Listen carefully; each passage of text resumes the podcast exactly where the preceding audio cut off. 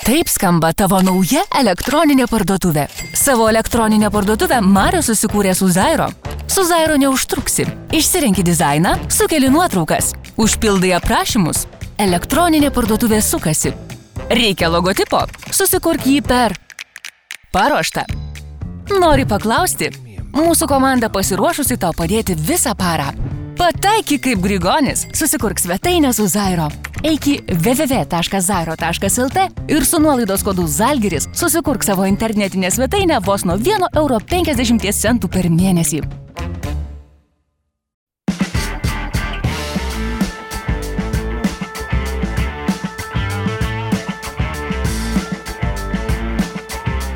Sveiki, mėlyje Žalgiris ONR podcast'o žiūrovai, klausytojai, nesvarbu, ar jūs žiūrite mūsų YouTube kanale, ar klausotės mūsų įvairiose tinklalaidžių platformose. Svarbiausia, kad esate su mumis ir šiandien dar viena proga pasikalbėti su Žalgiriečiu, kuris mūsų Žalgiris ONR podcast'o studijoje dar nebuvo iki šiol apsilankęs. Ir be jokių ilgesnių įžangų noriu Jums pristatyti Kauno Žalgirio komandos pirmąjį istorijoje argentinietį Patricio Garino. Hola, Patricio. Muy buenas. Uh, so you are here, our first very own Argentinian in Žalgiris Kaunas club. Did you know this fact before coming to Kaunas that you're going to be the first Argentinian in the Kaunas Žalgiris history? Yes, I think I'm the second one in Lithuania ever. The first one was Laprovittola, that was in, in Rytas. Yeah. But I knew for sure I was the first one in, in. So. And this season we already had the third one, uh, Amigo from Las Feliz, yeah? yes, well, it's a little in between. He's American. His dad is from Argentina. Oh, and yeah. His mom was from Mexico.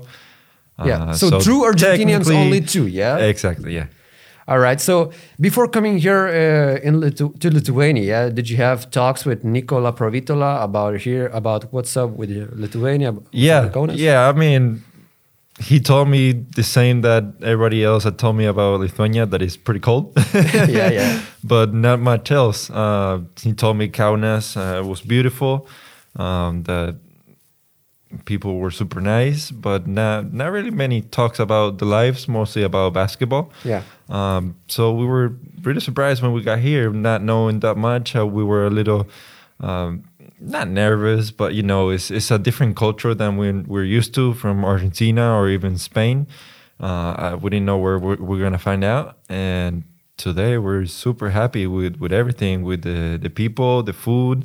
Uh, the weather was it was bad this year. the winter was Very pretty bad. cold, uh, but for us, the first time that we see that much snow and uh, living in minus 20 is something that we never experienced before and to live it one time it's it's pretty fun to us Uh, we're gonna talk a lot about basketball, about you coming here to Žalgiris. But first, I want to know your impression more about our country. You know, uh, you came here with your girlfriend and your dog. Yeah. Yes. Uh, how much of uh, Google research have you had you done uh, before coming here and so on? a lot a lot a lot uh, but i mean it, it's been great uh, just uh, googling about kaunas how many things you, you can do here with going out to restaurants museums all the the nature that we love to go outside the f- different forests and you can do so much uh, trekking and walking around especially with the dog i mean once my agent told me we had an offer from Žalgiris, I think it was a very easy decision. I know that uh, kitchen things are quite important in your life. Yeah, uh, you are responsible for making empanadas. You have your own business. Uh, how did it all start? Can you briefly explain? Well, it came out of out of the blue. Uh, it started in Vitoria with um, a couple of my partners. Uh, Yeah. Today, they had Argentinian restaurants in in Vitoria, and just one time, just playing around that we were gonna um, get together and get a new restaurant in in Vitoria or in Spain for Argentinian food. Um, but that was all jokes and, and funny and eventually it became true. Uh, it's not actually a, a real restaurant that you sit down with Yeah, tables yeah. and everything. It's more like take away and and and get it to go. Um, but it's empanadas. It's a typical dish from from Argentina. Um, and it, it was born just out of the jokes. Uh, it became a reality, and today is, is very successful. And actually, we have three stores in, in Vitoria. We're gonna have two in Bilbao. We're gonna have in San Sebastian. We're about to expand all over the north of Spain. So we're surprised, but really happy. Uh, the other thing is that were you connected with uh, making food, making dishes before you joined this business? Were you good in kitchen making uh, empanadas by yourself? No, no, not really, not at all. I was never into the the, the restaurant business. Um, actually, in college, I studied um, business administration and marketing. Yeah. and that's sort of my role Alright. in in this in this business.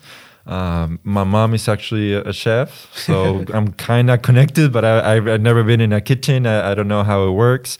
The other day that we did the interview here in Sala, it's uh, outside my business. It's the second time I've been in a, in a real kitchen in a restaurant, so it's something that I I'm not good at it. I, I'm not involved, but it's it's actually really fun once you get to know the the different environment, how they work, the craziness of, of the kitchen, especially in, in a real restaurant. It is something really exciting and that I like a lot. Uh, to our listeners, uh, we're gonna some we're gonna do some explanation. Yeah, empanadas are like uh, kibinai in Lithuania. Yes, Exactly. So- it's almost almost the same. I think the dough is, is a little more thin Yeah. from the empanadas. And the filling, like the, the kibina, you can put anything in it. We Yeah. have like 16, 18 different flavors from meat, chicken, ham and cheese, spinach, even sweet ones with Nutella or All cheesecake. We have everything. And it's just the way that you close. The kibina here is like eh, on the top, it has a little texture. We do it on the side. all right. So, but it's pretty much the same. Yeah. when you were playing um, Basconia and when you opened, uh, when you joined that business, were you the one that used to uh, bring some of the production to the team? Yeah. Yes, a lot of times. Um, How did actually, like it? I mean, they love it. Obviously, uh, it, it was kind of funny because we opened and 15 days after we we had to quarantine because of the pandemic. Uh, so it was last year, yeah. Yes, in Yeah. 2019 in February, 14th of February we opened, and 13th of March we were all locked in at All home. right. Um, but we did a lot of deliveries to the guys to their houses, and and even today the guys after games they order, and we managed to get them. So you adapted to the situation, yeah, because uh, takeaway places survived during this whole pandemic, yeah. Yes, I mean we obviously we never planned for this to happen, but it gave us a, a pretty big boost. Uh, people got to know. In Spain, in the north of Spain, it wasn't that common to get delivered a lot or go to a place and take it to go or maybe warm it up at home. And with the pandemic, actually, we were almost the, I think it was us and like a sushi place and a kebab place open. So the business was really good even during the, the pandemic. Are you planning to expand here in Lithuania? Maybe search, search the market, see see the possibilities. We've been talking with Sabonis to bring it. I mean, it, it'd be awesome. It's just logistics. It's it's a little far to get it going, but it, it's really possible in the future. Who knows? Hey, Patricio, we have our friends, uh, one of our sponsors for, for this podcast, Zyro. They are responsible for uh, creating websites so people can go on Zyro. They can uh, just uh, type their information. Uh, they can make their own website in a very short amount of time for a very cheap amount of money. So if if you expand in Lithuania, I think they're gonna help you with your digital things. All Oh, right. for sure. We we're gonna contact them and make them do everything in Lithuania because we we don't have anybody at home that speaks Lithuanian, so we need their help. So you have your bag here in Lithuania for digital things. Nice. And for our Žalgiris uh, podcast listeners, if you want to create your own website, just use the discount code Žalgiris and you're gonna get a 10% discount for your for your website plans for your website. So that's that's all in this topic. But uh, Patricio, we talked about food.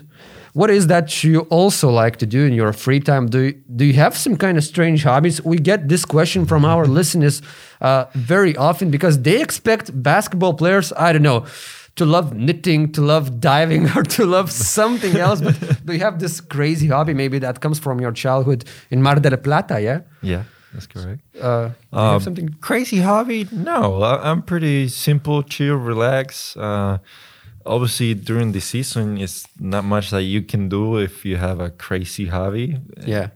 First, you're not allowed to. I don't know. I love quads, like the the four wheeler um, Oh, yeah? bike. Um, but it's something that I can't do because of contracts. I it's- I did it when I was younger. Uh, I love well, my family is from the countryside. I love the the farm side, the horses and everything. It's something that I can't do anywhere basically. Uh, so pretty much just walking around with the dog, visiting. We love traveling. We've been all over here in, in Lithuania already. Yeah. The, the little time that we, we could, we went to Palanga, Vilnius, uh, a bunch of places in the forest and the seaside. Um, and um, about that, it's just staying home, watching Netflix, playing some video games sometimes, and just staying with the business, talking to friends. Uh, not much going on, really. Uh, as you mentioned, you come from Mar del Plata, but you come from the countryside of it, yeah, like a suburbs fro- of Mar del Plata or what? Well, actually, not not even the suburbs. My whole family is from the the countryside, like literally countryside, small, small little village. What's town. the name? What's the name? Uh, it's called De la Garma. Not even people from Argentina know it. It's like 4,000 people in it. All right. Um, I was the first one to be born in, in a big city. Mar del Plata is like almost a million people. Yeah. Um, so every summer I would go back to the to the farm and, and be around my, my family and cattle, uh, horses, sheep, everything. Driving tractors when I was ten years old. That's something that I, I really love. Uh, but at home in, in my hometown, just from the suburbs, not, nothing crazy. Not downtown, a little outside the city, but it's a big city. So that side of your life made you love nature, made you love animals. Yes. But how did it all start with sports? Because I've read that uh, before you became professional in basketball, you were also interested in uh, swimming. Yeah. Yes, a little bit of swimming, a little bit of football. Yeah. Uh, obviously, at home, everybody has to play football when you grow up. It's a must. It's, It's it's a a must. So must. it's it's like the way it's here with basketball is with football at home. No, everybody what we talk about, what we do is is football and Messi and the national team, and that's all we do. So Do I have had to, to, choose uh, one side, like uh, like in uh, Lithuania, you have to choose between Žalgiris or Vilnius. exactly, it's Boca Boca Juniors or River Plate. You have And what be side you on? River Plate. River Plate, yeah. Not because I care. It's just my family is. You have to choose your- your River. Roots, you, yeah. have to choo- choose someone. but I'm I'm like the black sheep of Argentina. I, I don't know much about football. I, I don't That's like strange, it. man. It's very strange. It's like someone from Lithuania didn't like basketball. It's like really. Yeah. But You're- yeah, I, I mean, I I started playing when I was younger. When I was like four or five years old. And by the time I was six, I was always the goalkeeper because I, I was taller than everybody else, not really coordinated. I didn't do very well with my with my feet and my legs. And actually, when I was six, I hit this this kid in, in the leg, and I think I broke a, a bone in his leg Oh my God. when I was six years old. So Yeah. you can imagine how bad it was. yeah. and after trauma, that day, yeah. yes, after that day, my parents were like, "Okay, I think we're gonna try something something different, Like individual sport, Uh, maybe then. maybe something individual, maybe something different with your legs. You're tall. We're gonna try basketball." My dad used to play basketball when he was younger, when he was in the military, and they brought me to a little neighborhood club next to my my house, and I actually fell in love with the sport. At that time, uh, Argentina's national men basketball team, uh, when you were like nine or 10 years old, or 11 11 years old, uh, excuse me, they were amazing. Well, they are amazing right now, but there was a gap when uh, there were a lack of medals. But during that 2002 run in the FIBA World Championship, 2004, uh, Athens uh, and Olympic gold medal, were you that kid that were glued to the television and watch all the games? Yes, and in the World Cup in 2002, um, I was just listening my dad talk about it. I was a little too young even to watch and be um, locked into the TV, but I remember perfectly in, in Athens the the final. It was like four in the morning at home, Yeah. and I was just glued to the TV, crazy, crying with my dad because they won the gold medal. That's something. It's one of the biggest memories of my my childhood. That was, I think, the moment that I realized I wanted to be a basketball player. Uh, that 2002 final when Hugo Sconochini, yeah, he made that run and Željko Rebrača uh, apparently fouled him, but there was no foul. Uh, does this episode up to this day is like scandalous in Argentina? Very, very, very. Uh, even now, I don't remember watching it as a kid, watching it on replay on YouTube and everything.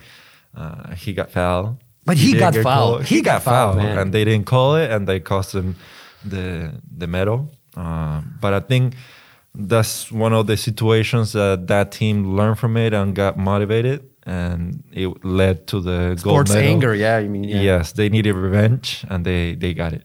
Have you ever talked with someone from that team? Uh, well, Scola apparently played with him, but maybe Hugo Sconochini about the episode. Have you ever had this moment to talk like, "Oh my God, they robbed us"? Now with Hugo Sconochini, I mean, we all really close when, when we got to the national team. When when I was uh, 21, 22, that I started playing with the national team, we still had uh, Delfino, Nocioni, Prigioni, Ginobili, Scola. They were all still around, and we we talked with them. Uh, they don't really want to talk about it too Yeah, much. like, too painful, they, yeah. it's, it's really painful. It's a thing that they feel up to up to today, even after winning gold medals in the Olympics, winning championship in the NBA. All they think about is is that moment, and they're not happy about it. It's funny how the things can be connected even between different countries because in Lithuania we had this similar final in 1995 European Championship against Yugoslavia also, and then uh, we have a lot of anger because maybe of the refereeing that they took the gold medal from us. That narrative, you know, up to this day, they it's still alive. So I can't imagine what your country does feel about it. Uh, when you were only 16 years old, yeah, you moved to United States. Uh, I, I can imagine it's not a typical way for Argentinian uh, school uh, schoolboy to go to United States not after the school but during the school years. Yeah. Yeah. So why did you choose this path uh, so early? It was obviously not common. The only role model we had in Argentina that did that was Pepe Sanchez, Yeah. uh, the point guard from the national team, and he went to Temple University. Um, and that was the only case that was really known at home. We had we had two more other kids uh, at the time that were in college when I was still in high school. That I was in contact with them and asking them. And I had offers to go pro in Argentina already. I, I came from this little neighborhood club uh, that didn't play pro. Uh, I had offers from Argentina and even from from Europe, from Spain and Italy for a few teams. So I was too young, and obviously my dream was to play in the NBA.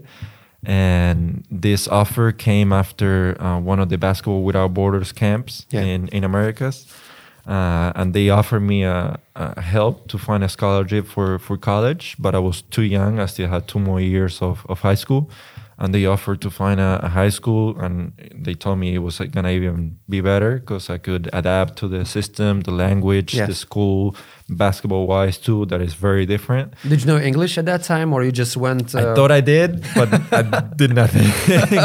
I understand some of it uh, at the time, but I couldn't speak. Even my first year in, in high school in, in Orlando, uh, I was in Orlando, so I had a bunch of friends from Latin America that I was speaking Spanish all the time. and the climate was good there, yeah. Yes, very good. um, and on the court, it's basically the same thing. Pick and roll and everything is is easy to catch up. So it took me a whole year to actually be fluent in English uh, in there. But Did did you have this like a hard time when you were in America that you realized, oh man, I'm I'm not gonna love this, or it, it's was it like okay, I'm gonna do it and I'm gonna be a pro no matter what? no, it, it was it was a feeling that when they got me the news at this camp, I was like, I'm gonna do it. I was 16. I called my parents. I was in Mexico, and I told them. I didn't ask them. I told them I'm gonna. I'm gonna do to it, yeah. yeah. I'm gonna go to high school and I'm gonna go to college and I'm, I'm gonna do that. And they were like, Wait, you want to think about it? You no, no. This is decided, and it's something that they supported supported from the first moment because um, the philosophy in our family is that we we needed a, a plan B because I don't know they, they didn't see me achieving a, a, so much in, in basketball like I did up Choose up a today. serious profession, yeah. not not a serious profession, but it's just in case you, you need a, a title, All right. something to survive. We, we were thinking, yes, the the golden generation. They were everybody at home thought they were one in a million. They were like, you're not gonna be Ginobili or Nocioni or Scola that you're gonna play in the NBA and have your life set. You you need a plan B or something. And and going to college, having a, a college degree was something that we really liked. I'm, I always like I'm a not a nerd, but I like studying and, and learning new things. And it's something that convinced me from the first moment. It's it's a different situation because for six years I wasn't gonna get paid. I was Yeah. just gonna study and play basketball and, and trying to uh, get better to achieve that ultimate goal to play in the NBA.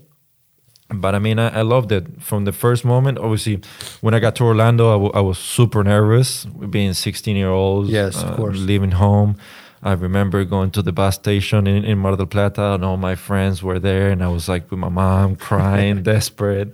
I was actually so nervous that I got sick on the plane. I was like with fever and I flew and everything.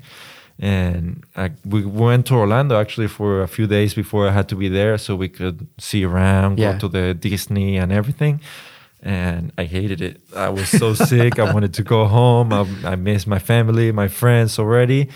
And actually, when my coach picked me up from the hotel, and we went to the high school, I was like, wow, this is like the movies. It's like a campus with all the people there that you have, that you see on the movies. And I was like, Yeah. wow, no, I love this. see you, mom. go home. I'm great. And I, I don't think in the two years of high school, I never had a bad feeling or bad moment. Just one time, the first time that I missed my dad's birthday Yeah. uh, in November that first year.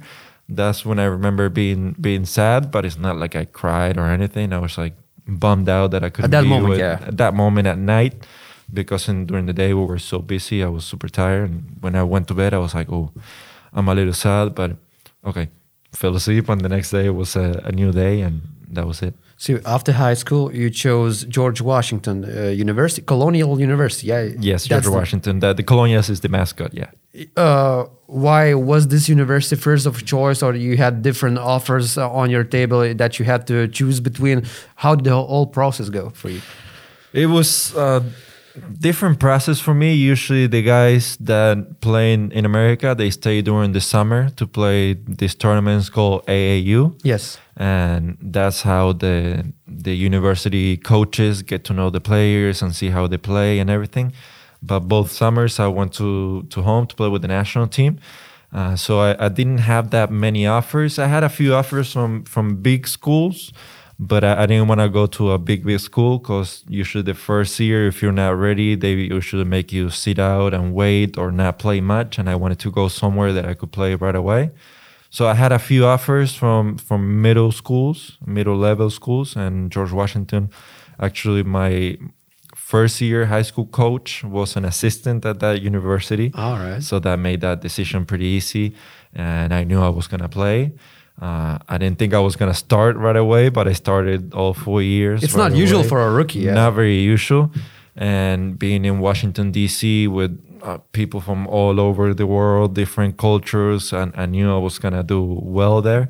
So it was a wonderful experience. I mean, living in in, in college, it's like again like another movie and and studying and playing basketball and, and getting closer to that goal was something that i i really enjoyed that time it's something not usual at home or even europe but i if i had to choose i would do it again for sure I like how you mentioned a couple of times studying because it's not it's not usual. It's sometimes you hear like stereotypical like okay I play for college but I did not do a lot of studying during that time because I'm all focused to my professional career.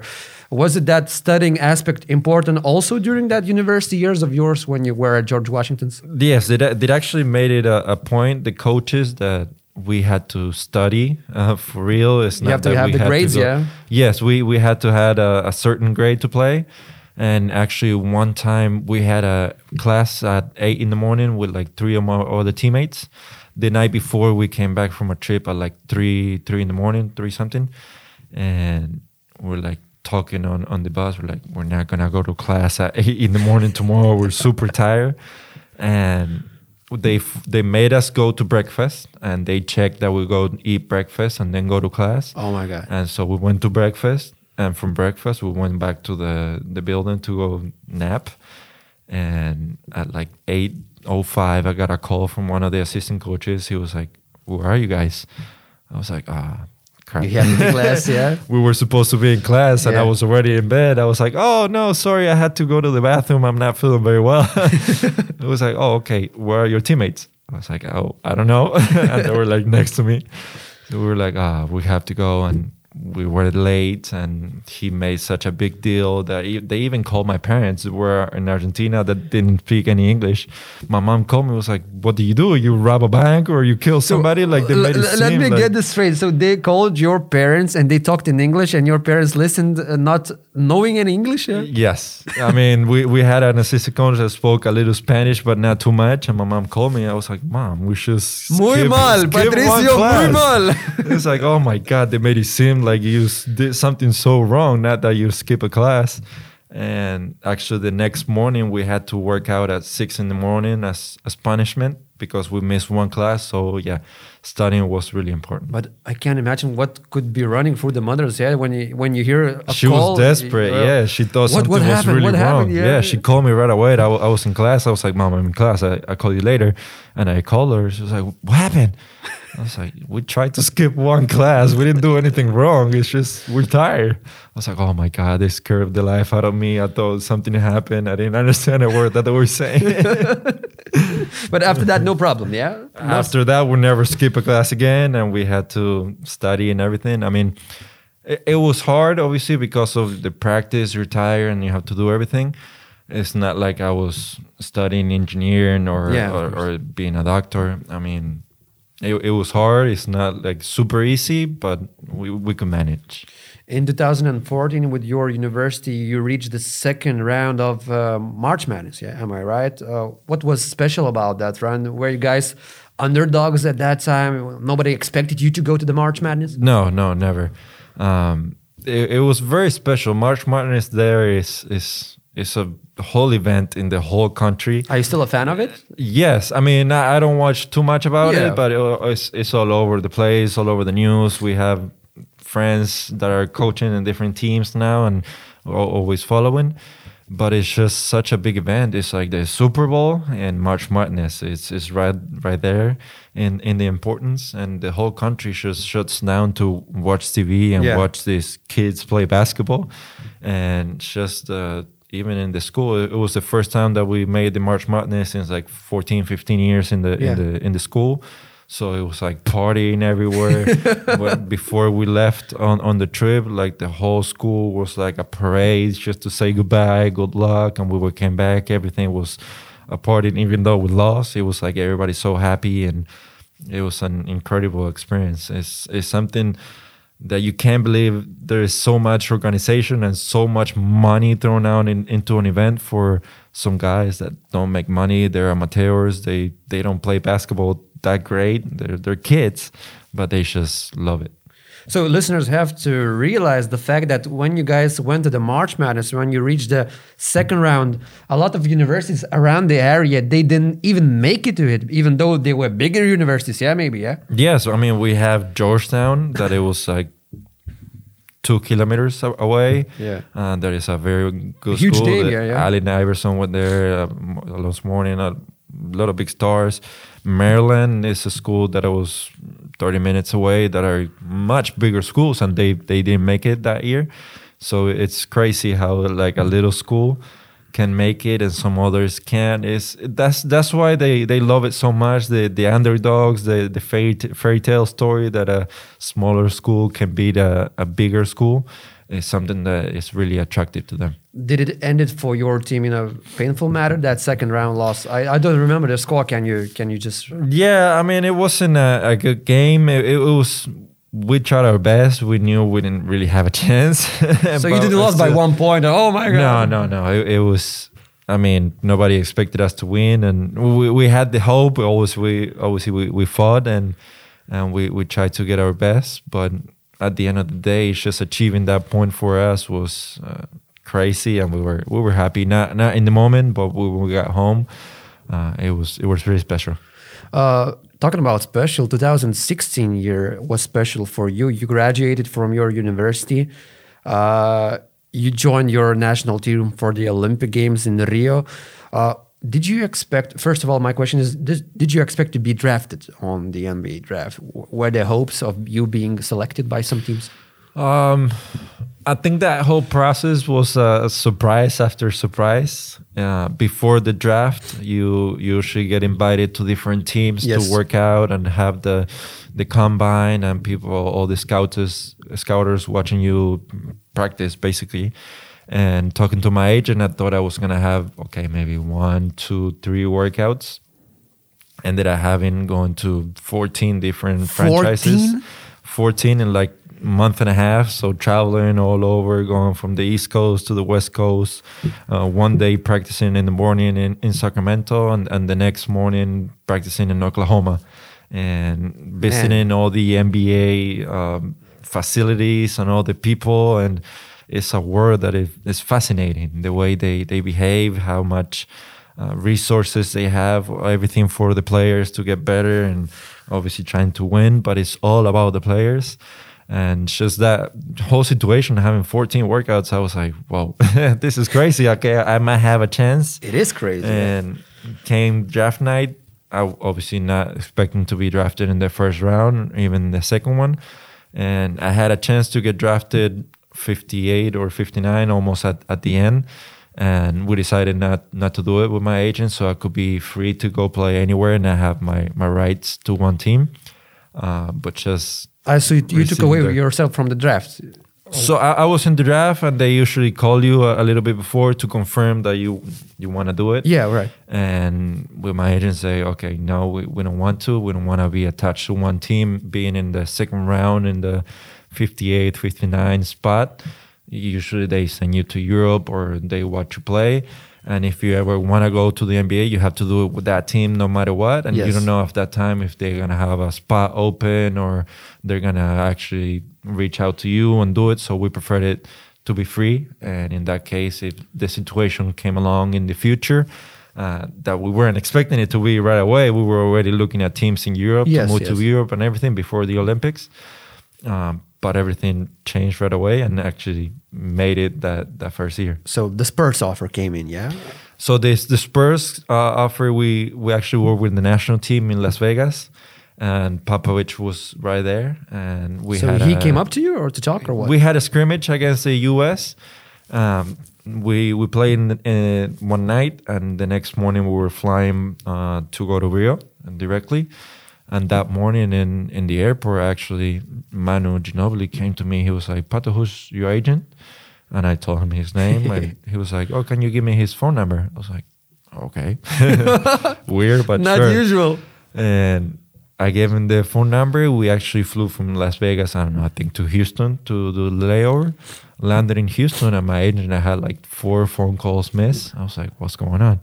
Actually called him. He was like, "We had an offer from the Spurs. We had to give an answer." I was like, "Manu, what the hell?" and I was like, I'm not gonna say no to the Spurs. Obviously, it wasn't an offer for a guarantee contract for many years. It was just to to do the training camp and fight for a spot in, Yeah. in- on the team and maybe go to the D League. Um, but I mean, for us, for Argentinians, when we hear the word Spurs, San Antonio Spurs, it's like, well, this is like the top. Yeah. This is the best thing with Manu, with the championships, with Duncan, with Tony at the moment, with Kawhi, with Pop. It was just the, Oberto also played there. Oberto played there. It was just for us that was the ultimate goal to play with the Spurs with Manu. That was every kid's dreaming about that. And when I got the call, I was like, yes, I don't care if they pay me two cents for the whole thing. I'm gonna do it. So did Manu broker you a deal for the Spurs or, or what? Apparently, Pop talked to Manu saying that he liked me and, and Nico Laprovittola, and Nico will had a, a contract with a different team, so we had they had to manage some other things. I was free, and mm, Pop asked Manu to get my agent's info, and they called him right away, and that happened in like 20 minutes. I was going to San Antonio. But what's up with the Spurs liking Argentinians so much? and that's crazy. San Antonio is. I feel like it's a little like Shockers. Uh, they they usually get these players that are not really known, and they work them and they get them to the highest level to explode. And that's what happened with, with Manu. Nobody knew him. He was playing here in, in Kinder Bologna in Italy. He was killing it, but he was young, not really known. And when he got there, it exploded. Same with Oberto, that wasn't really known, played for, for Baskonia. Um, but in Baskonia at that time, it was Scola, um, Pablo Prigioni going being the superstars, and he was okay. I went to San Antonio, and there's just superstars right away. Maybe Greg Popovich fell in love with Argentinians. But, oh, I love these people. They're so They, great. I mean, obviously they have that connection with Manu with so much history, so many championships. Just his personality is, is so lovable. They they really like it, and I mean, obviously they they want to have the next Ginobili, the next Tony Parker from France yeah. or Argentina that they love. They love. Obviously, in San Antonio, so close to Mexico, they have that connection to Latin America, and uh, for me, obviously, they didn't compare me to Ginobili, but for them, it's the attachment. Uh, Manu was gonna be supposedly his last year. He kept playing for two more years, but they they wanted to have that connection Yeah. a, a little longer. Yeah. So uh, you joined that uh, the whole uh, practice process, yeah, to fight for the spot in the Spurs. Uh, did you have connection with Greg Popovich at that time? Did he, he did he tell you, okay, Patricio, we want to send you to the G League now and see what happens? How did it all happen? Well, and throughout the the whole training camp, it, it was like a, a learning process for for me and for Nico. The first couple of weeks, everything was like, wow, this is Manu, Tony, Kawhi, Pop, Tim Duncan was retired but still coming to practice Yeah, with yeah. us and everything. So every day was something new that we're living in a dream. But after that, we okay, we're like we have a chance to ma- make the team. We can fight and everything. And it actually came down to the very last game of the preseason. Uh, after the game, uh, Pop talked to all four of us. It was four of us that we were fighting for for two spots. Yeah. And they called Nico and they told him he was gonna stay. And they called another two guys. And when he called me, he was like, "Look, you're really close. Uh, we really like you. We could keep you on the team, but we wanted a, a shooter. We need a shooter to have just in case. So they chose this other kid, and he told me you're gonna go to the D League. We're gonna be watching you closely. Being there, it's not like we're gonna throw you and forget about you. We're um, we're gonna go to Austin. That was 30 minutes away. And they actually went to a couple games with the GM, with Pop, the players, and they were always super close. And he's like, if the situation comes during the, the season, you know, somebody gets hurt or we need something, we're, we're to call you. It, it didn't happen, but it ended up happening with a different team, with Orlando, actually, with the Magic, and I ended up finishing the season with them. So that whole experience was just like a, a dream, just starting to play next to Manu is a god from from Argentina, being close to him and going to his house, meeting his family, and acting like we were friends from forever.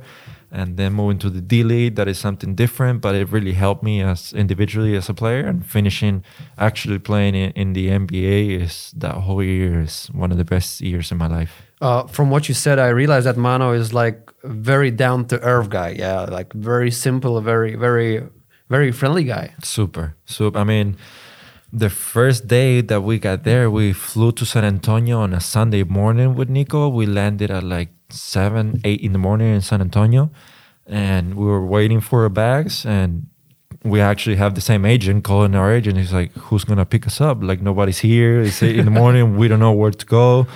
And he's like, "No, no, someone is coming. Don't worry." So we were waiting outside. We see a car coming.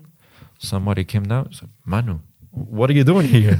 no, I came to guys pick, pick you up so we can go get some breakfast. You you can get settled. We're gonna go home with my family, have some lunch later, and we can relax. We're like, Manu, it's Sunday morning, eight in the morning, and you came to pick us up. Like, yeah, Yeah, no problem. like, yeah. Wow. and right there, we, we went to breakfast and then we went to his house. And after we were supposed to go to the hotel, settle down, like sleep and, and rest. And he just grabbed a key and threw it to us. He's like, here you go. A car key. We're like, what is this, man? Oh, it's a car for you so you can go around and see the city and everything. So, like that, he gave us a car to go around and everything was just like, we're friends. Like, I mean, we, we know him. Nico knew him more from playing before with him. Yeah. My first time playing with him was in, in Rio. Um, and he treated me like we were friends since we were like kids. Crazy. Yeah.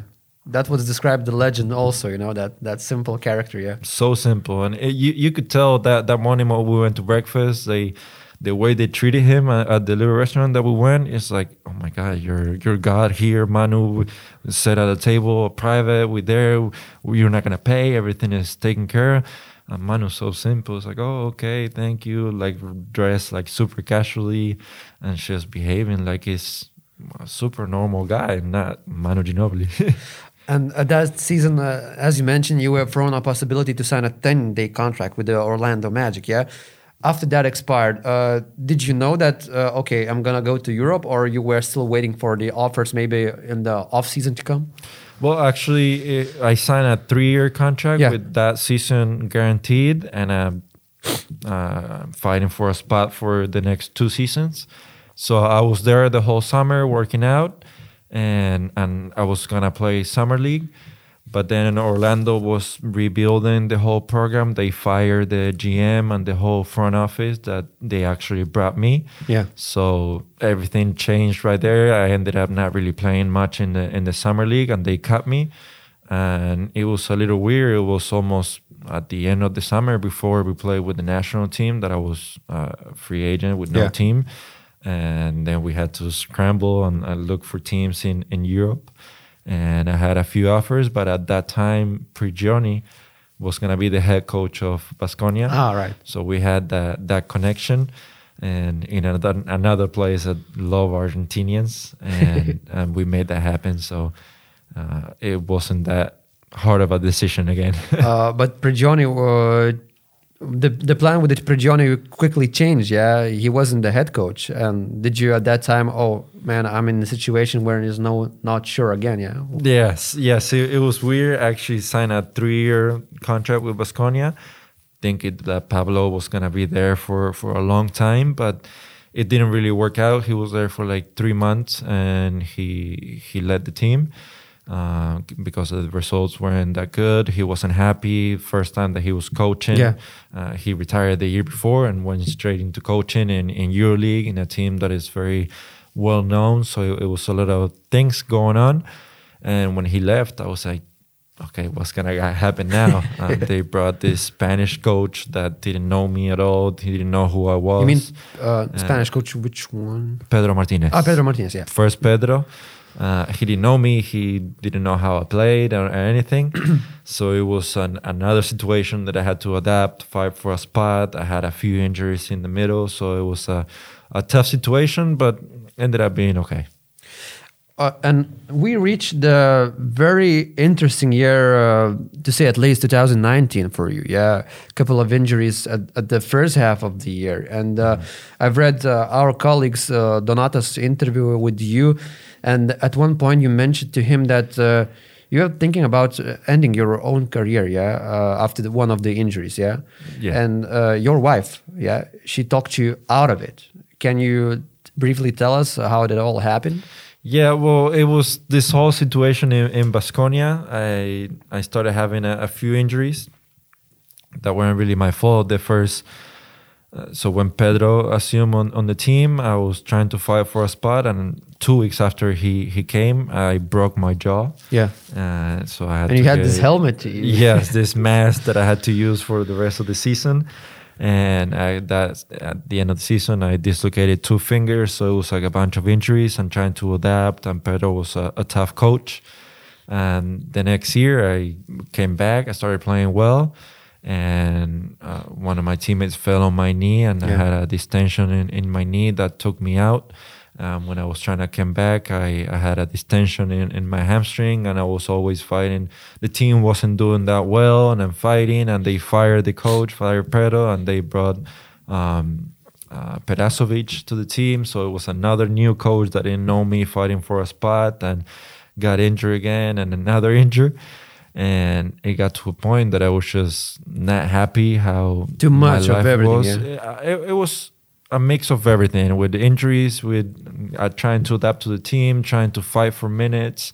Um, Baskonia is a tough club itself. Uh, practice was super crazy. We weren't happy as a team, and I just didn't love the sports like I, I used to. I, I thought, okay, if this is gonna be my life, being a pro basketball player, that I'm gonna be suffering at home when I have a Sunday uh, afternoon that I'm free and I'm not enjoying life. I'm just worried about tomorrow because I'm, they're gonna kill me at practice in the morning and at night, and uh, you have to be thinking about all the time. Like, oh, you're always worry about what's gonna happen. If if you lose, you're gonna run. If you win, you're gonna run even more.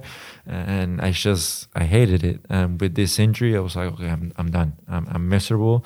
I, I want to go home. I don't know if it's me that I have so many injuries or my head or, or the environment or whatever it is. And my wife actually stopped me. She's like, oh, okay, if you want to take a decision, take it, but not right now when you're feeling so low. Let's get some help. And actually started talking to a psychologist to to change my head basically that I was in a, in a good place. To program in a new way, yeah, just Yes. just to look for the best. Yes, for sure. And, and that came at the exact moment that I had a click, and I was like, okay, I'm.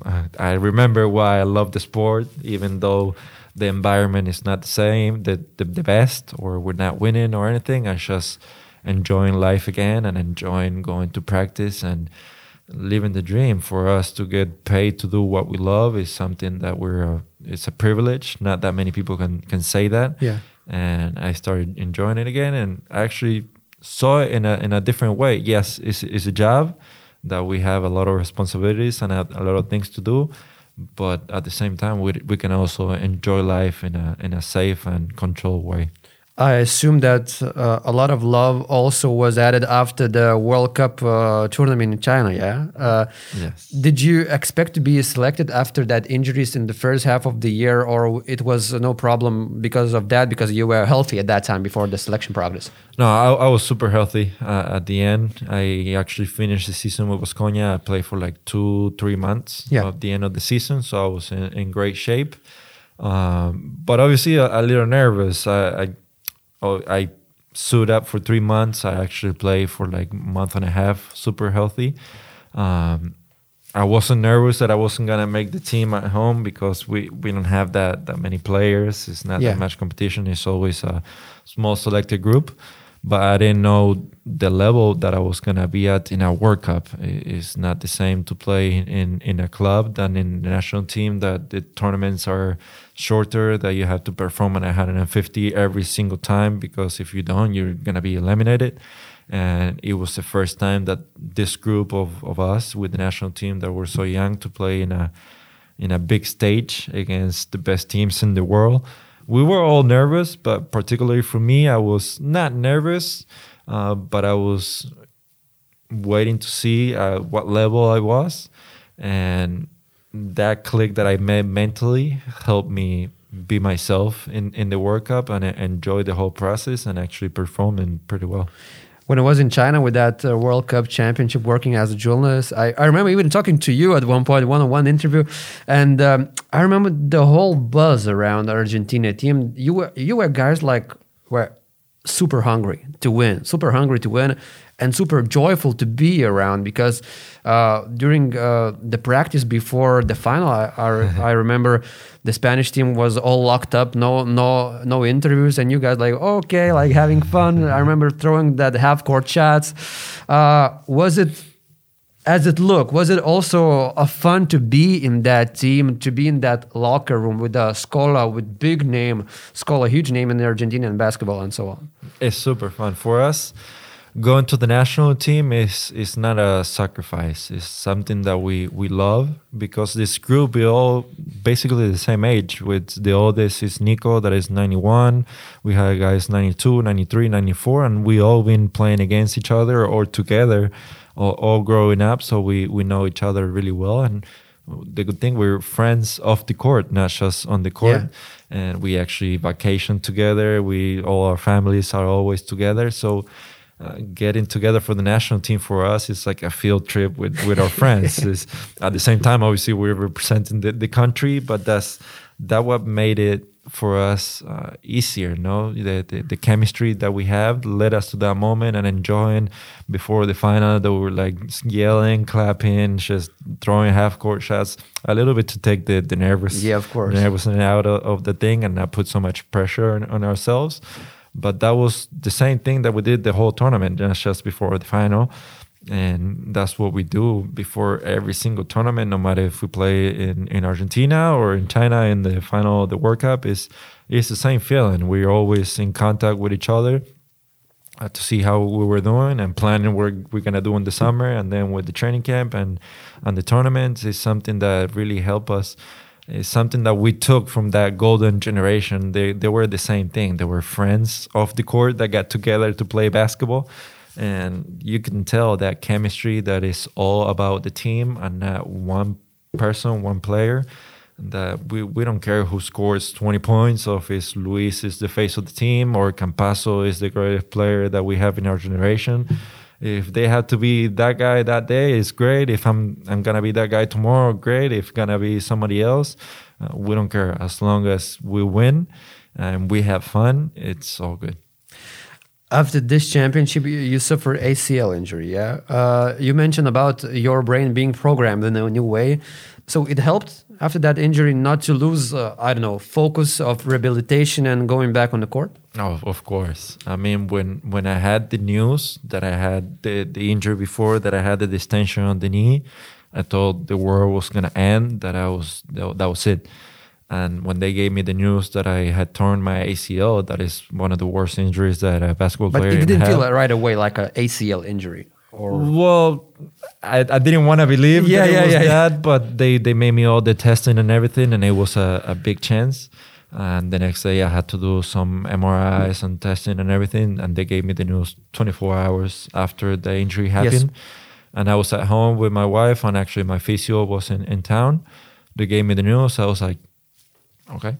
Sure let's let's get back to the the rehab process and i felt like it was a ankle sprain the way i, I took it. All right. Uh, because of my mind it was already programmed to enjoy life and accept that we're basketball players. We're, we're not sitting in, in an office eight hours a day in front of a computer. We're, we're playing with our bodies and our uh, physics and injury is going to happen. Um, to me it's something that that happened a, a lot of times and i have to accept that at the same time, my style of playing is is not super uh, fancy with the swag and everything. I'm more of a physical player yeah. that goes for the hits, that dies for the the loose balls, and my probability of getting injured is a little higher than somebody else that doesn't play with so much energy.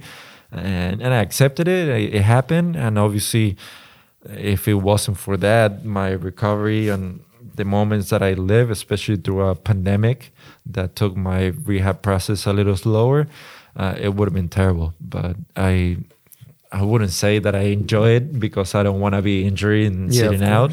But it, it, was not something that I, I suffered through it. I'm obviously I have my happens announced and I still have them, but uh, rehabbing and having to get surgery again and everything. But I'm happy. Uh, obviously, uh, this change of scenery that come to Žalgiris helped me a lot because it's a new environment, new things, new people. You get your mind out of it uh, a little bit, but it was something that if it wasn't for my psychologist, my my wife, and my my family, uh, I don't think I would be the same person.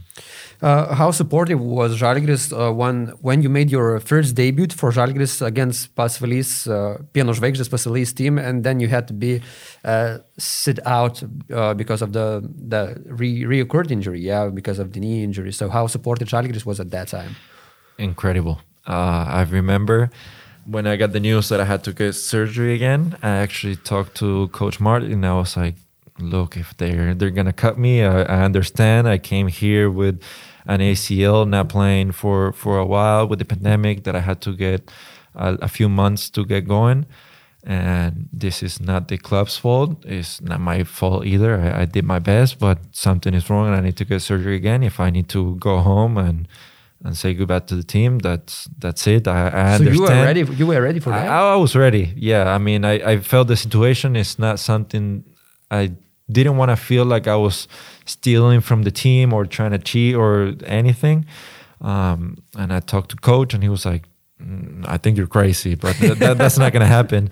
And I actually, funny, I, I, live in the same building as as Paulius Motiejunas, and I saw him two days after. I talked to coach, and we were talking down there, and he was like, "I heard that you think you're gonna go home. You're you're crazy. You're gonna stay here. You're gonna get better. You're gonna get healthy. You're gonna kill it here, and that's all that's gonna happen. Don't think you're going somewhere because you're not." And I was like, "Wow, this is crazy to to have the GM talk to you so personally, so close, and being so invested and, and involved with the team is something that I never experienced before. I didn't.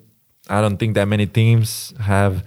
Uh, a GM that is so involved in, in such a positive and good way. And for me, it, that gave me a, a, new wave of air and, and motivation to, to get better and keep going and not get so uh, stressed out about a, a, new surgery and, and having to do the process again. Obviously, that motivated me so so much to keep going. You made another comeback. We were very happy seeing throwing that three pointer, uh, uh, being all happy about it. And then uh, you made your debut with Žalgiris jersey in EuroLeague. Uh, these first two games, uh, how was your body working, adapting to the levels? I think there was a sense of caution. You had to be a bit cautious on the court, not to be re-injured again. Yes, uh, obviously, when they gave me the news that I was gonna debut again and, and, and play for the first time, they gave me the news. I think coach told me a, a week before the game just to. You mean EuroLeague or LKL? No, LKL. yeah, the first okay, game. Yeah, and I talked to him one afternoon, and I think for the next two three days I was freaking out that something was gonna happen, and remembering the the way I injured my leg, and if I had to do a layup and put weight, what's gonna happen and I was freaking out, scared actually to get re-injured and something that I didn't want to happen. But again, with the help of the psychologist, my wife, trying to rewire my brain again and having confidence that I I did my job, working with Sigitas every single day in the weight room. I we did everything, and and the knee is good. It's all mental. And three four days before the game, I felt I felt good. The day of the game. I was nervous just because of the situation, having to suit up after so long and and and having to play a game. It was the same nervous that everybody guy everybody feels before a game. And as soon as I step on the court, I forgot about everything and I was just playing. Obviously, I wasn't myself yet in the sense of my my body wasn't as fast or running uh, so like usual or jumping so high is something that I needed a little more time, but I feel I felt great. I was just happy, like a smile on my face the whole time. Even making that first shot, that's something that I wasn't expecting, and it happened. It just gave me so so much joy and so happiness. Great to hear that, man. And now we move to our listeners' questions. We have a lot of them because, well, you're a popular guy apparently. like a lot of Žalgiris players, they are very popular on the social uh, media channels. Uh, they get asked a lot of questions. You're not the exception one. And um, I'm just gonna read who asked the question and uh, what are the question, and after that you're gonna choose one your favorite question, all right? And we're gonna we're gonna award that person with Žalgiris Shop Production. All right.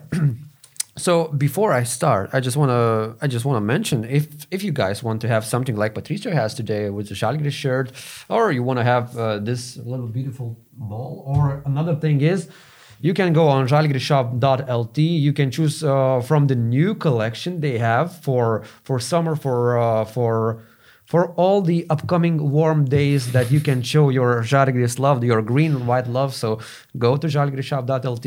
Jeigu nesupratot, ką aš nekėjau, jūs galite tiesiog nukeliauti į Žalgiris shopą, įsirinkti iš naujos kolekcijos, pasirūpinkite pavasarišką, žaliai baltą aprangą. So in both languages, I think we're good.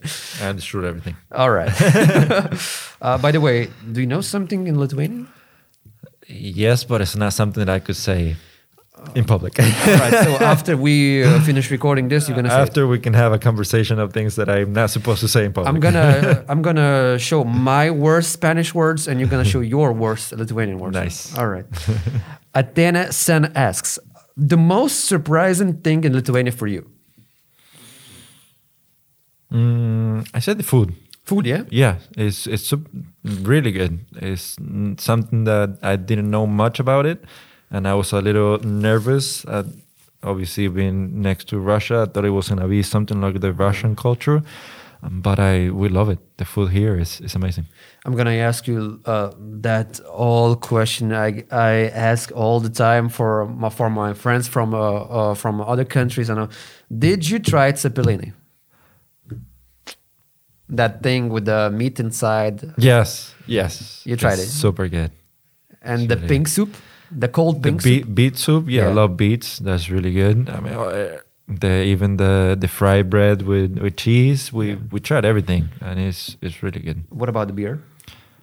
That's something that surprised me as well. At home, we're we're really known for the um, uh, handcraft uh, beers. Yeah, and wines, of course. yeah. and well wines of course too but now is is a generation thing uh, that is is the beer is getting really popular and here i mean it's amazing just walking around seeing the Volfas uh, building and everything we're like okay we have to try the beer apparently it's really good and sorry i don't- know if i'm supposed to say brands uh, but we tried i didn't try too many the same, Yeah. but we really like it yeah All right.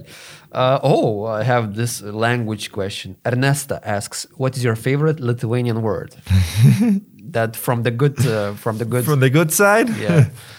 Uh, I don't know.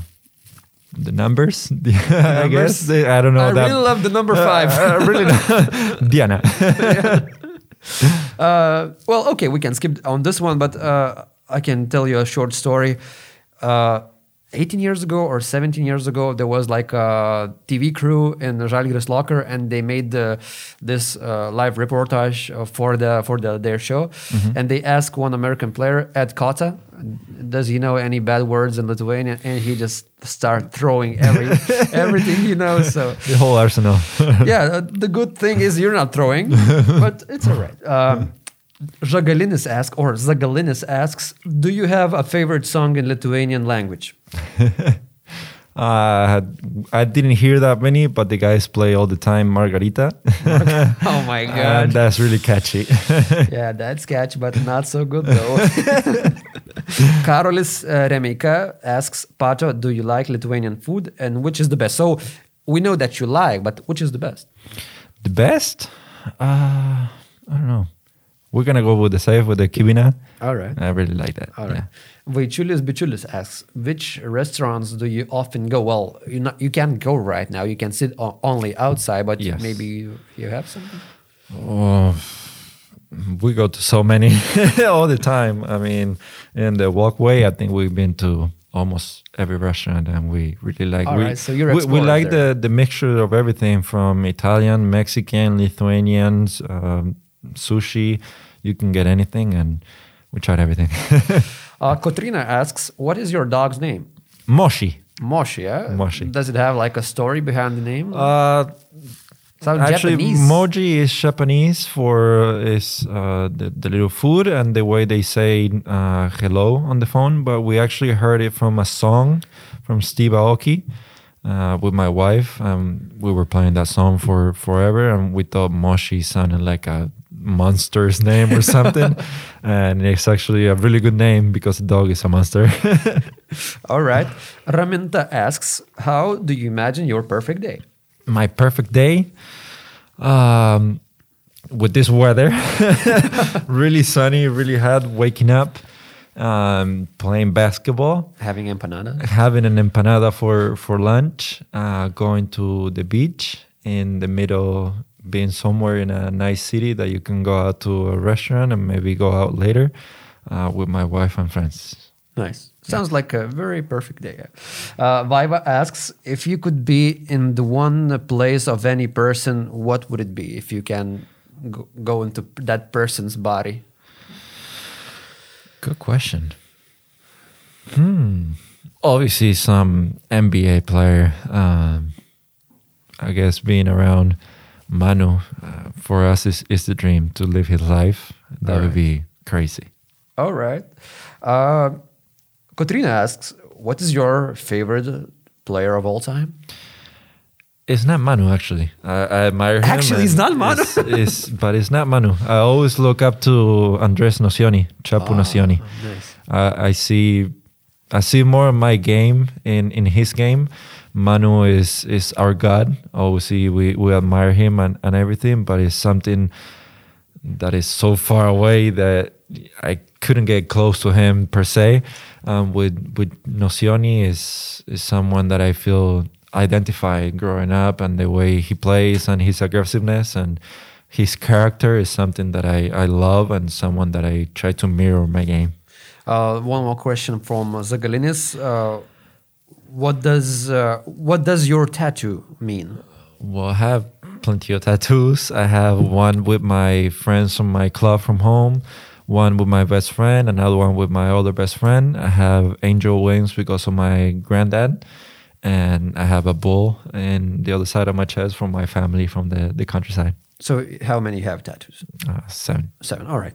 Uh, World Edis asks Is there uh, a meaning behind your jersey number? Uh, well, I usually, all growing up, I wore 13 because of Nocioni. I got to the national team and Nocioni was playing, so I wasn't going to wear 13, obviously. Yeah. And I chose 29 uh, because of 2009 was a great year for me that I moved to the States and won a big championship at home with my friends.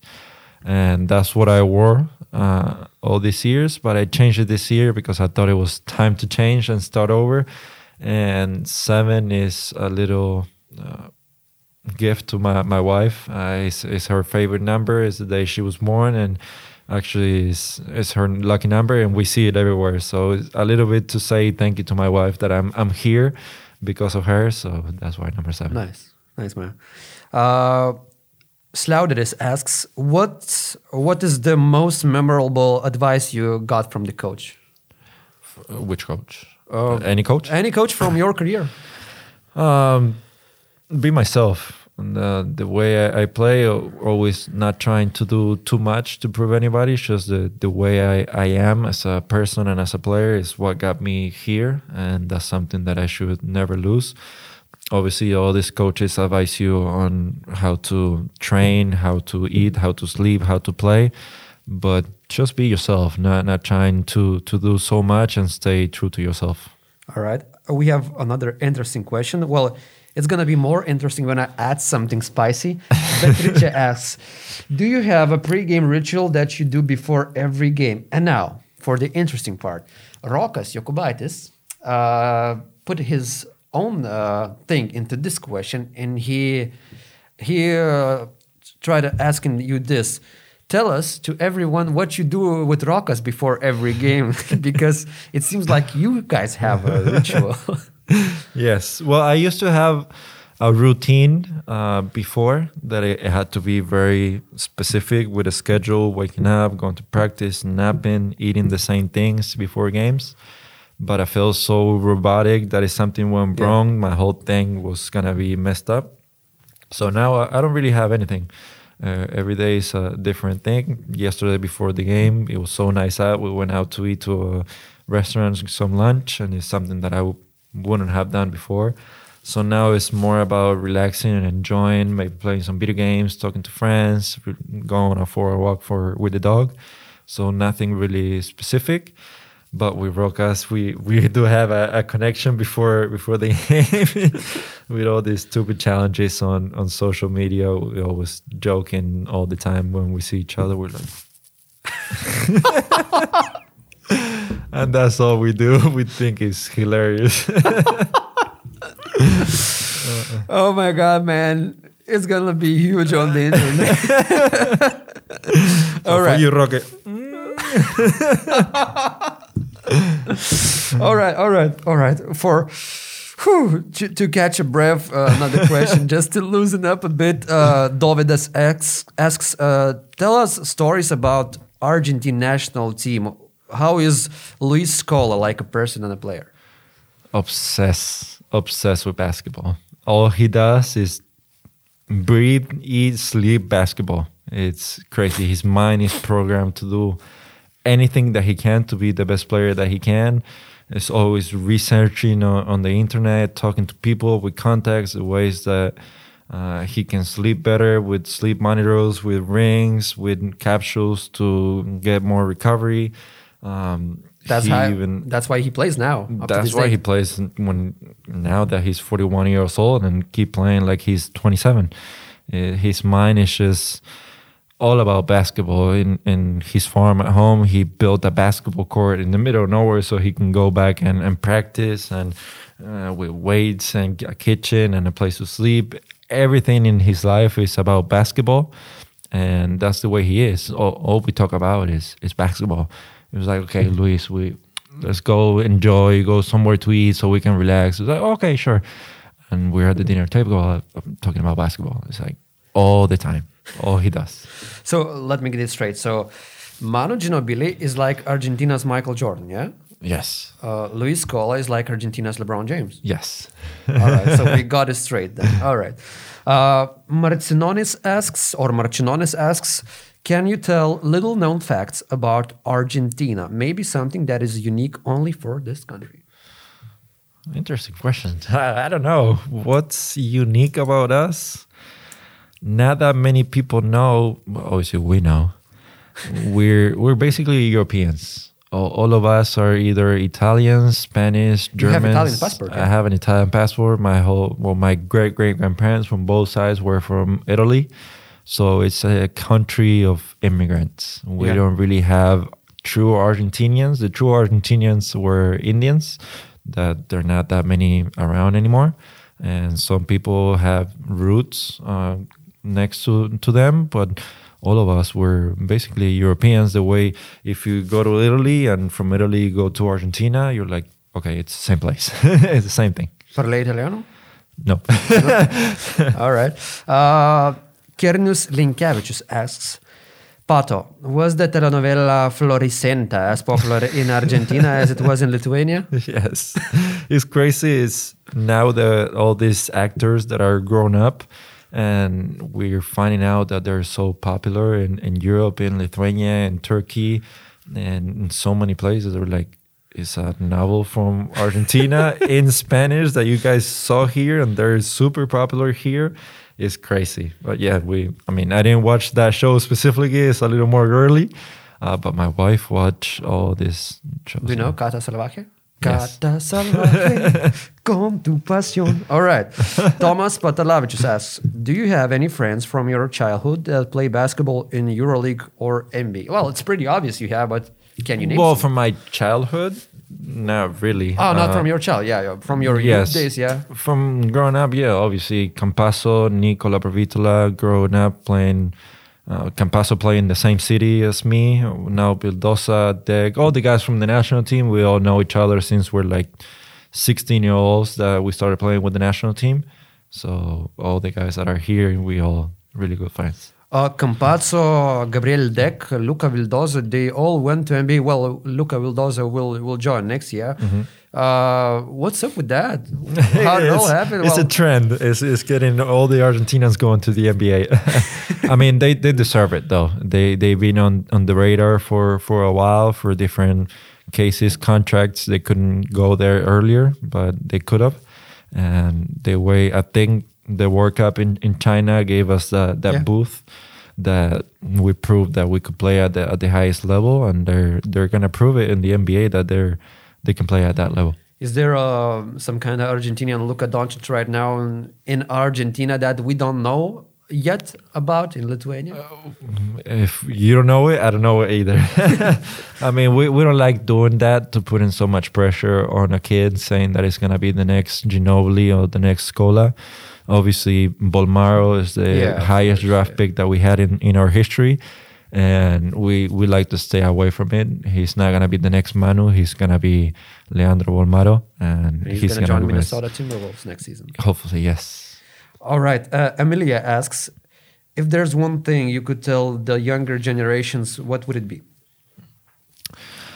Um, to work, it, nothing, nothing is, is given. Uh, there are not that many Luka Doncic's in, in the world or Manu Ginobilis that they have this crazy talent. It's it's all about work. And today there are so many distractions in our lives. And I feel like the childhood of people changed so much. We used to go to the club and spend spend the whole day there. Now with social media, with computers, with video games, there's so many things around and they see so many videos of the NBA then they want to be the next Steph Curry and shoot from half court and have these crazy handles, but that's not gonna happen uh, because you watch a video. You have to spend time in the gym. You have to work, but at the same time, enjoy it. It's, it's a good process. The the sport is is beautiful to spend time with with your friends, and you learn so many values that are not just for the basketball court but outside. So if if you work hard, you're gonna have some fun, and you should enjoy it. All right. Livia asks Imagine you have three tickets to the best party in Las Vegas. Which three teammates from Žalgiris uh, you will uh, travel together with? You're choosing. Well, Marius is pretty crazy, so he has to go. uh, Yankee has all the connection in the whole world, so not even in Lithuania. So connection he- guy, yeah. Yes, he knows everybody. And the third one is a tough one. I I I take an, uh, an American that knows where to go. I go with Thomas. All right. And uh, similar question to it, but uh, another point of view. Žalgirina asks Imagine you're taking part in the singing competition and you have to choose two teammates to be in your group. so, once again, what are you choosing? The best singers from Žalgiris team.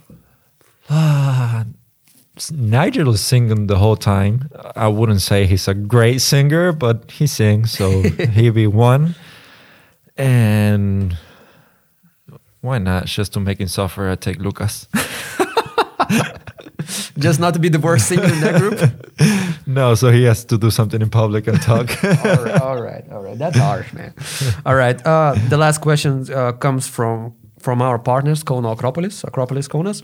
And uh, Kauno Akropolis dabar yra viena iš tų stilingiausių ir madingiausių vietų Kaune, kur, kur galima rasti apsirengti visiškai, ką jūs norite artimiausiam šiam šiltam uh, pavasariui besibaigiančiam ir vasaros periodui. Ir ne veltui Kauno Akropolis yra vadinamas mados sostinė. Ir trumpam pakalbėkime apie stilių ir aprangą. So let's talk about fashion and style in your life. And the first question is which of Žalgiris players are the most fashionable and the most stylish uh, in his own way? So who are you choosing? in his own way is a great, great clarification because he thinks he's the greatest, greatest fashion guy, and it has to be Jojo because he's from France and he's living that life. all right, all right. Uh, okay. Well, that's an interesting question because uh, back in the day, it was hard to uh, put uh, basketball players' fashion in the frame when, when it came to NBA. We remember Allen Iverson to be like a pioneer and to popularize his own fashion, you know, that the whole fashion. Uh, have you ever played in a team where they had restrictions on what you have to wear before the game or something like this?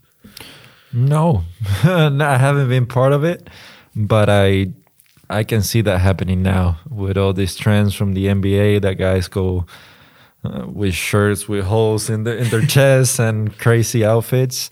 I can see teams, especially in Europe, having some guidelines to keep it a little more serious Business and, and casual and so on, focus. yeah. yeah, yeah, but never happened to me. Uh, what are your favorite brands or or clothing in general you like to wear? Do you have your favorite favorite style? Uh, not really into fashion. My wife dresses me basically. I'm more of a sports casual, just with joggings and a hoodie. Um, I don't really have a favorite brand. I usually shop in in Zara or Mango is the brands that I know. All right. And the last question: uh, Do you have your favorite sneakers or the f- uh, the favorite sneakers of all time, or maybe legendary sneakers for you because you fell in love, maybe your first sneaker shoes and so on, the brand and so on? Not first one, but I have a lot of Air Force Ones. Oh, nice. Yes, and I have it in all different colors and models. I I have a lot. All right. So if we see Air Force sneakers, maybe that's uh, Pato coming. Yeah. Yes, for sure. All right. So, Pato, thank you very much for joining us today. It was a great fun to talk to you. It it was a great fun seeing your face you do with Rokas. Uh, and uh, we wish you a good end of the season, of course. And uh, hopefully, we're going to see you next year playing here. Hopefully too. I would love that. Thank you. Thank you, Pato. And uh, thank you for all of our listeners. Ačiū visiems mūsų klausytojams ir žiūrovams, kurie stebite ir žiūrite ar klausotės šį Žalgiris Oner podcastą, kad ir kur jūs tą bedarytumėte. Nepamirškite mūsų sekti Žalgiris YouTube kanale, nepamirškite sekti mūsų visose social media platformose, nepamirškite tapti ir Žalgiris Insider nariu. Ten jūsų laukia papildomo turinio mėlyjei, visuomet jo ten rasite. Šiam kartui tiek, iki, bye. Taip skamba tavo nauja elektroninė parduotuvė. Savo elektroninę parduotuvę Mario susikūrė su Zairo. Su Zairo neužtruksi. Išsirenki dizainą, sukeli nuotraukas, užpildai aprašymus. Elektroninė parduotuvė sukasi. Reikia logotipo, susikurk jį per paruoštą. Nori paklausti? Mūsų komanda pasiruošusi tau padėti visą parą. Pataiky kaip Grigonis, susikurk svetainę su Zairo. Eik į www.zairo.lt ir su nuolaidos kodu Zalgiris susikurk savo internetinę svetainę vos nuo 1,50 euro per mėnesį.